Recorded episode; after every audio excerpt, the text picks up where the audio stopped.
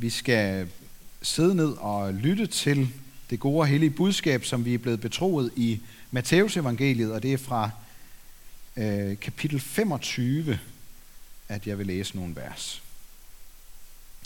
Jesus sagde, det er med himmeriget som med en mand, der skulle rejse til udlandet og kaldte sine tjenere til sig og betroede dem sin formue.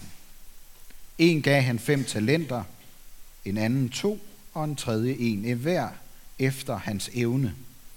Og så rejste han.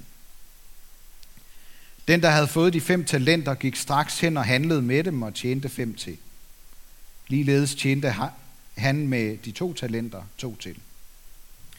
Men den, der havde fået en talent, gik hen og gravede et hul i jorden og gemte sin herres penge. Lang tid efter kom disse tjeneres herre tilbage og gør regnskab med dem. Den, der havde fået de fem talenter, kom og lagde andre fem talenter på bordet og sagde, Herre, du betroede mig fem talenter. Se, jeg har tjent fem talenter til. Hans herre sagde til ham, Godt, du gode og tro tjener. Du har været tro i det små. Jeg vil betro dig meget. Gå ind til din herres glæde. Også han med de to talenter kom og sagde, Herre, du betroede mig to talenter. Se, jeg har tjent to talenter til. Hans herre sagde til ham, Godt, du gode og tro tjener, du har været tro i det små. Jeg vil betro dig meget. Gå ind til din herres glæde. Så kom også han, som havde fået den ene talent, og han sagde, Herre, jeg kender dig som en hård mand, der høster, hvor du ikke har sået, og samler, hvor du ikke har spredt. Og af frygt for dig gik jeg hen og gemte din talent i jorden. Se, her har du, hvad dit er. Men hans herre sagde til ham, du dårlige og dogne tjener. Du vidste, at jeg høster, hvor jeg ikke har sået, og samler, hvor jeg ikke har spredt. Så burde du have betroet mine penge til vekselerende, så jeg havde fået mit igen med rente, når jeg kom tilbage. Tag derfor talenten fra ham og giv den til ham med de ti talenter. For enhver, som har, til ham skal der gives, og han skal have overflod. Men dem, den, der ikke har, fra ham skal selv det tages, som han har. Og kast den udulige tjener ud i mørket udenfor. Der skal der være gråd og tænderskæren. Amen.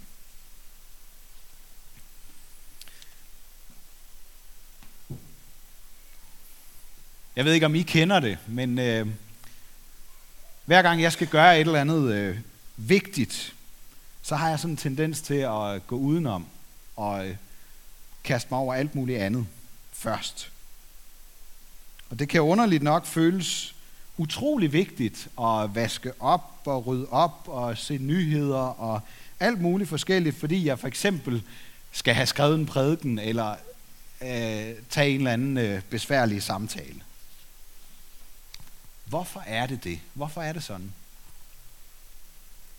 Det er vel i sidste ende af frygt for, at det ikke vil lykkes godt nok.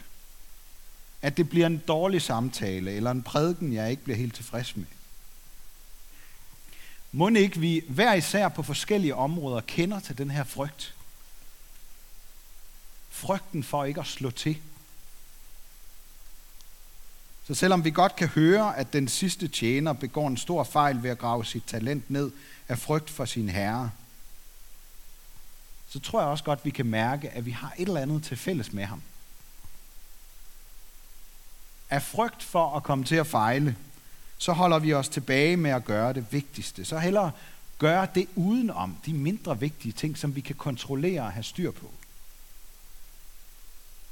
For det forbistrede ved at kaste sig ud i livets mest afgørende opgaver, det er, at det kommer til at afsløre vores afhængighed af andre og af Gud. Vi bliver begrænset, når vi tager livtag med livets store opgaver. Kunstneren Bjørn Nørgaard, jeg ved ikke om I kender ham, det var ham, der lavede de der hest, den der hesteoffring for mange år siden.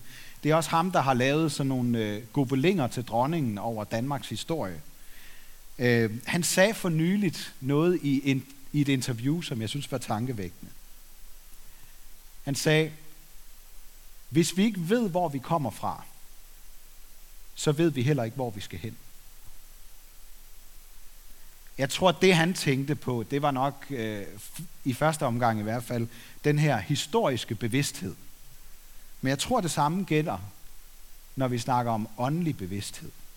Hvis vi ikke ved, hvor vi kommer fra, så ved vi heller ikke, hvor vi skal hen. Det er ikke nok at tænke om Gud, at han er en hård herre, der høster, hvor han ikke har sået. Gud har skabt os og vil frelse os fra alt det, der tager vores opmærksomhed fra det væsentligste. Fordi han vil være sammen med os på en måde, så ingen kan skille os ad.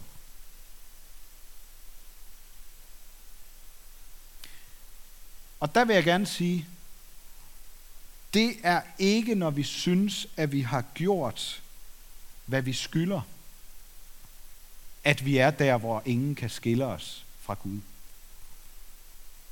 Gudskelov er det ikke der. Det er tværtimod der, hvor kærligheden skjuler al vores skyld og belønner os langt ud over, hvad vi har fortjent. Og det var faktisk også nogle af de tanker, der lå bag, at vi skulle synge nogle sange her i begyndelsen af gudstjenesten, som handler om, ikke om, hvor meget vi har taget os sammen, eller hvor gode vi kan være, hvis vi virkelig investerer alt det, vi har fået af Gud, men først og fremmest om, hvad Gud har gjort for os. Lignelsen, som Jesus fortæller, gør det fuldstændig krystalklart for os, at det ikke handler om retfærdighed, eller om, hvornår vi har gjort det godt nok. For hovedopgaven, den er allerede gjort af Jesus.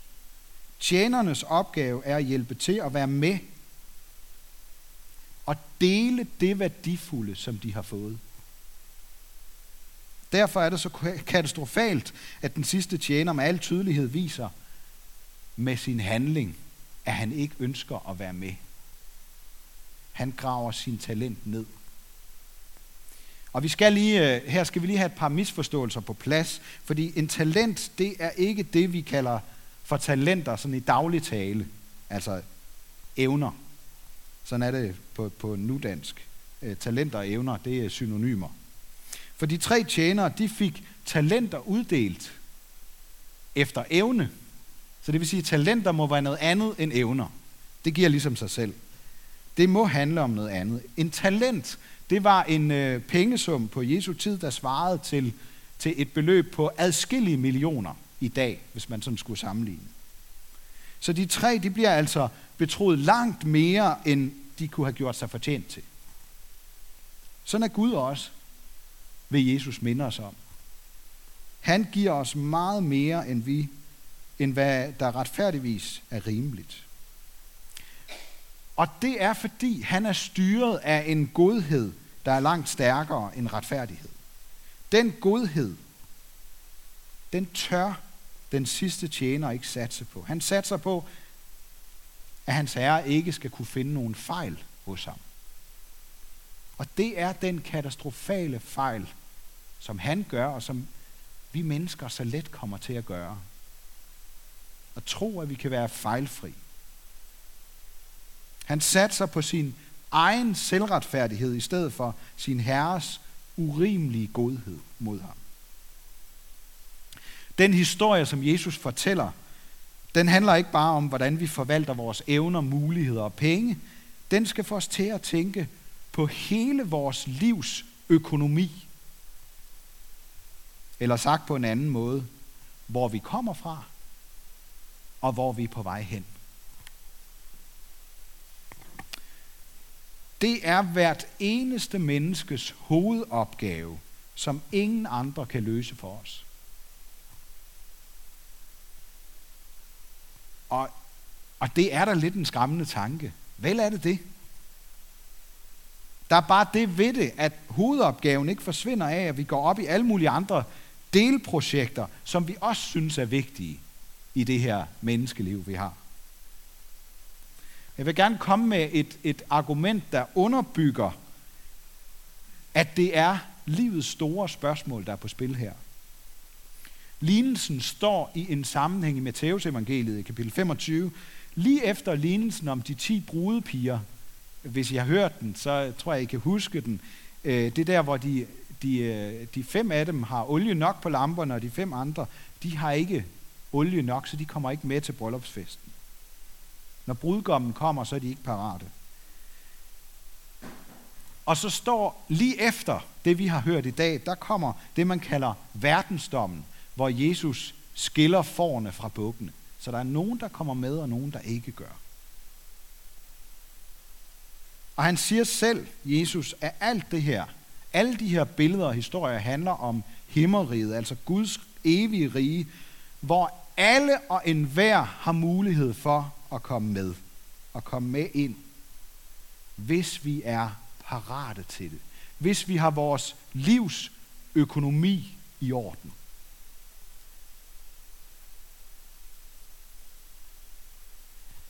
Og her der nytter det ikke noget at gøre det så godt, som vi nu kan. Det er langt fra godt nok. Det eneste, der er godt nok, det er det, som vi ikke selv kan gøre, men som Gud gør for os og i os gennem Jesus.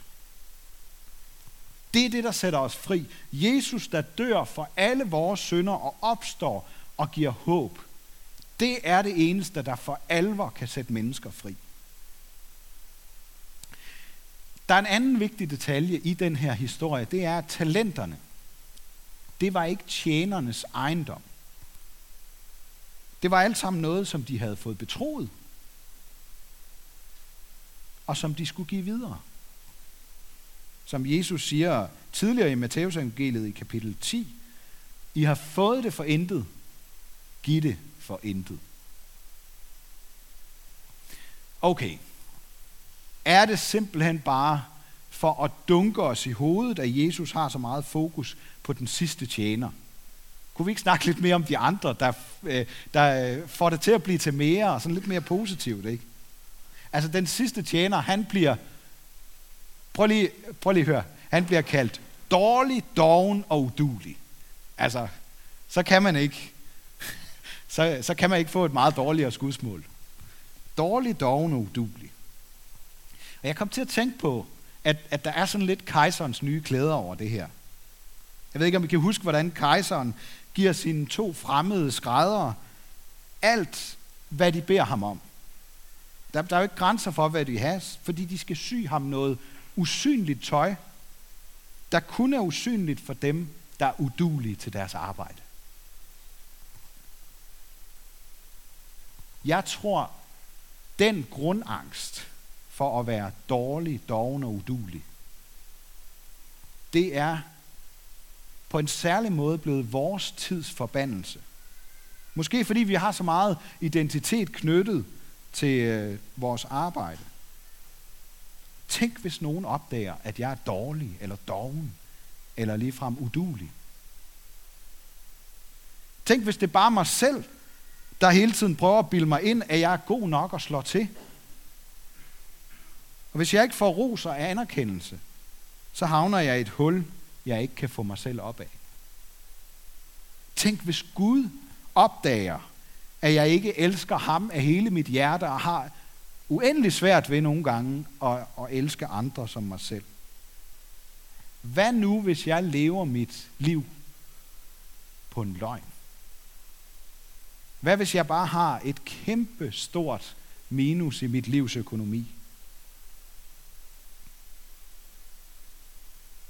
Og i stedet for at blive ramt af sådan nogle fundamentale spørgsmål, så kan vi få lyst til at vælge en helt anden strategi så hellere gøre alt muligt godt for andre.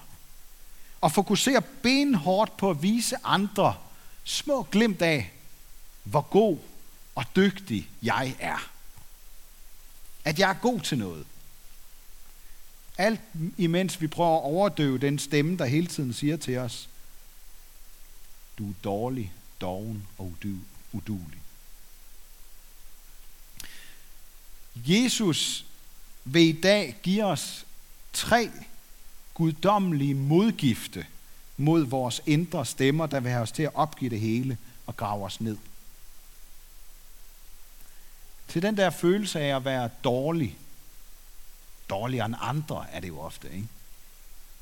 Der siger han, det handler ikke om at være god nok, men om at tro på den godhed, der er stærkere end retfærdigheden. At være skabt og ønsket og villet af den gode Gud. Det er modgiften mod den følelse. Til følelsen af at være doven, der siger han, det handler ikke om, hvad du har gjort, men kun om, hvad jeg har gjort for dig. Ikke om dine evner, men om de gaver, du bliver betroet. Kan I høre friheden i det? Vi skal kun give det videre, vi har fået. Vi, vi skal ikke gøre mere, end, end der ligger inden for vores rækkevidde.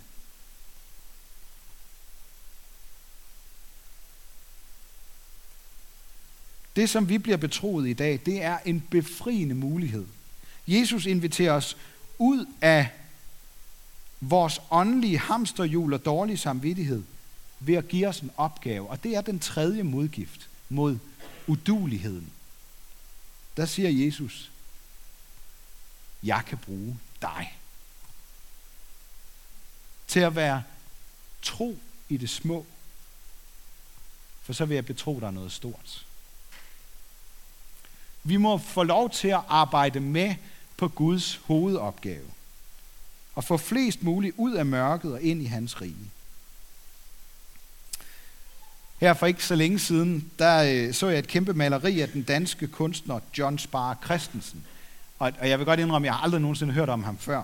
Det, jeg undersøgte bagefter, hvem det var, der havde malet det. Han har malet sådan et, et kæmpe billede, som, som hænger nede i, i en af bygningerne, de nye bygninger i Seersbyen, øh, i en kantine der. Og øh, jeg synes, ja, nu kan I se det her. Jeg synes, det er fantastisk, at vi har sådan et billede til at hænge på, på pædagogseminaret her i byen. Det er jo sådan, øh, det er jo sådan en kubistisk stil. I kan se, hvordan det er sådan nogle, nogle figurer, der for de fleste af os hurtigt bliver til noget, der ligner noget. Fordi vi, vi lægger vores forestillingsevne og fantasi oveni. Og vi ser Jesus derude til, øh, til venstre, der strør kornet ud på marken. Eller alle de forskellige steder, hvor det, hvor det lander. Og så der midt i, der har vi Jesus, der står og prædiker og underviser, som han gjorde så ofte. Og men sandt, når vi så ikke yderst til højre, har Jesus, som er opstået fra de døde af graven.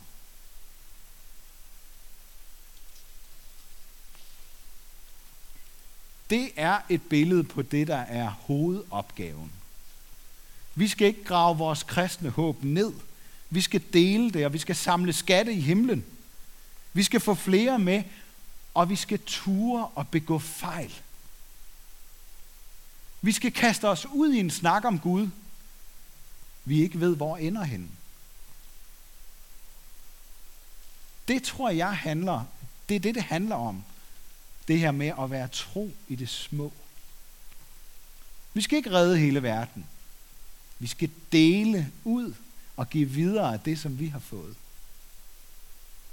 Hvis du har følt dig dårlig, doven og udulig på det her område med at snakke om tro og invitere mennesker hjem til dig, øh, eller med til dit åndelige hjem i kirken, så læg mærke til, at Jesus vil sætte dig fri. Han bliver ved med at overdynge dig med godhed. Han har gjort alt, hvad der skal til, og han bliver ved med at sige, jeg kan bruge dig, selvom du ikke selv tror på det. Og du behøver ikke vente med, med det, til du synes, at du kan sige det på den rigtige måde, eller slet ikke er bange for at være ærlig og åben om din tro på Jesus. Grav det ikke ned. Del det bedste, du har fået med andre. Paulus han giver os et eksempel på, at Gud prøver at høste, hvor han ikke selv har sået. På Areopagos, der havde de meget religiøse grækere en Gud for næsten hvad som helst. Og så havde de altså også en Gud for, eller et, et sted for en ukendt Gud. Måske fordi de, de vil være sikre på, at de gik glip af noget. Noget af, af, af Gud, gudernes velsignelse. Ikke? Så, skulle, så skulle man have det hele med. Og på, på den måde tænker jeg faktisk også, at vi i dag er lidt græske i vores måde at være på. For vores ukendte Gud er måske netop ideen om, at vi kan blive lykkelige, hvis vi aldrig går glip af noget. Eller hvis vi aldrig begår fejl. Hvis det hele lykkes for os, så bliver vi lykkelige. Og tro på Jesus, det handler om at gå glip af noget. Det handler om at begå fejl og stå ved det. Fordi der er noget andet, der er vigtigere og bedre. Og fordi fejlene ikke fortæller det dybeste om, hvem vi er. Det gør de kun i afledt betydning, fordi de viser, at vi er rundet af noget endnu større, en godhed og en tilgivelse, der kan rumme alle vores fejl og synder. Nu ved jeg godt, det ikke er hver gang, vi måske lige kan få det vendt og sagt noget lige så genialt, som Paulus gjorde den dag. Men jeg tror alligevel, vi kan lære af ham, at han benytter enhver lejlighed til at fortælle om, hvad Jesus betyder for ham, efter han, han, han, han har sat sig ind i, hvad grækerne gik op i. Og det tror jeg er meget vigtigt. Vi skal begynde med at være nysgerrige på, hvad andre tænker. Ellers så bliver det ikke til en samtale, så bliver det bare til en enetale. Så tror jeg, nogen vil få lyst til at høre mere. Hvornår har du sidst kastet dig ud i at fortælle, hvad Jesus betyder for dig, hvor du ikke vidste, hvordan det ville blive modtaget, eller hvordan det ville ende? Prøv lige at overveje det. Måske er det en fejl, hvis det er længe siden. Så er det noget, der kan rettes op på. Og så her til allersidst. Det er ikke din opgave. Det er ingen af vores opgave at overbevise andre om kristendommens sandhed. Vores opgave det er at være tjenere, der arbejder med på den fælles hovedopgave. Jesus har sået sine ord. Han har fået dem til at gro og springe ud i opstandelsestro. Det, at vi sidder en flok mennesker samlet her i dag, er et levende bevis på det. Vi opfordres kun til at så de ord om Gud, som vi har forstået lidt af. Så vil han med sin ånds kraft få troen til at vokse frem i mennesker. Så det er hovedopgaven. At være tro i det små. Ære være Gud, vores far, der har skabt os i sit billede. Ære være Guds søn, der tog for os straf, så vi kan slippe fri og mærke friheden. Ære være Helligånden, ham der gør Guds kærlighed levende for os.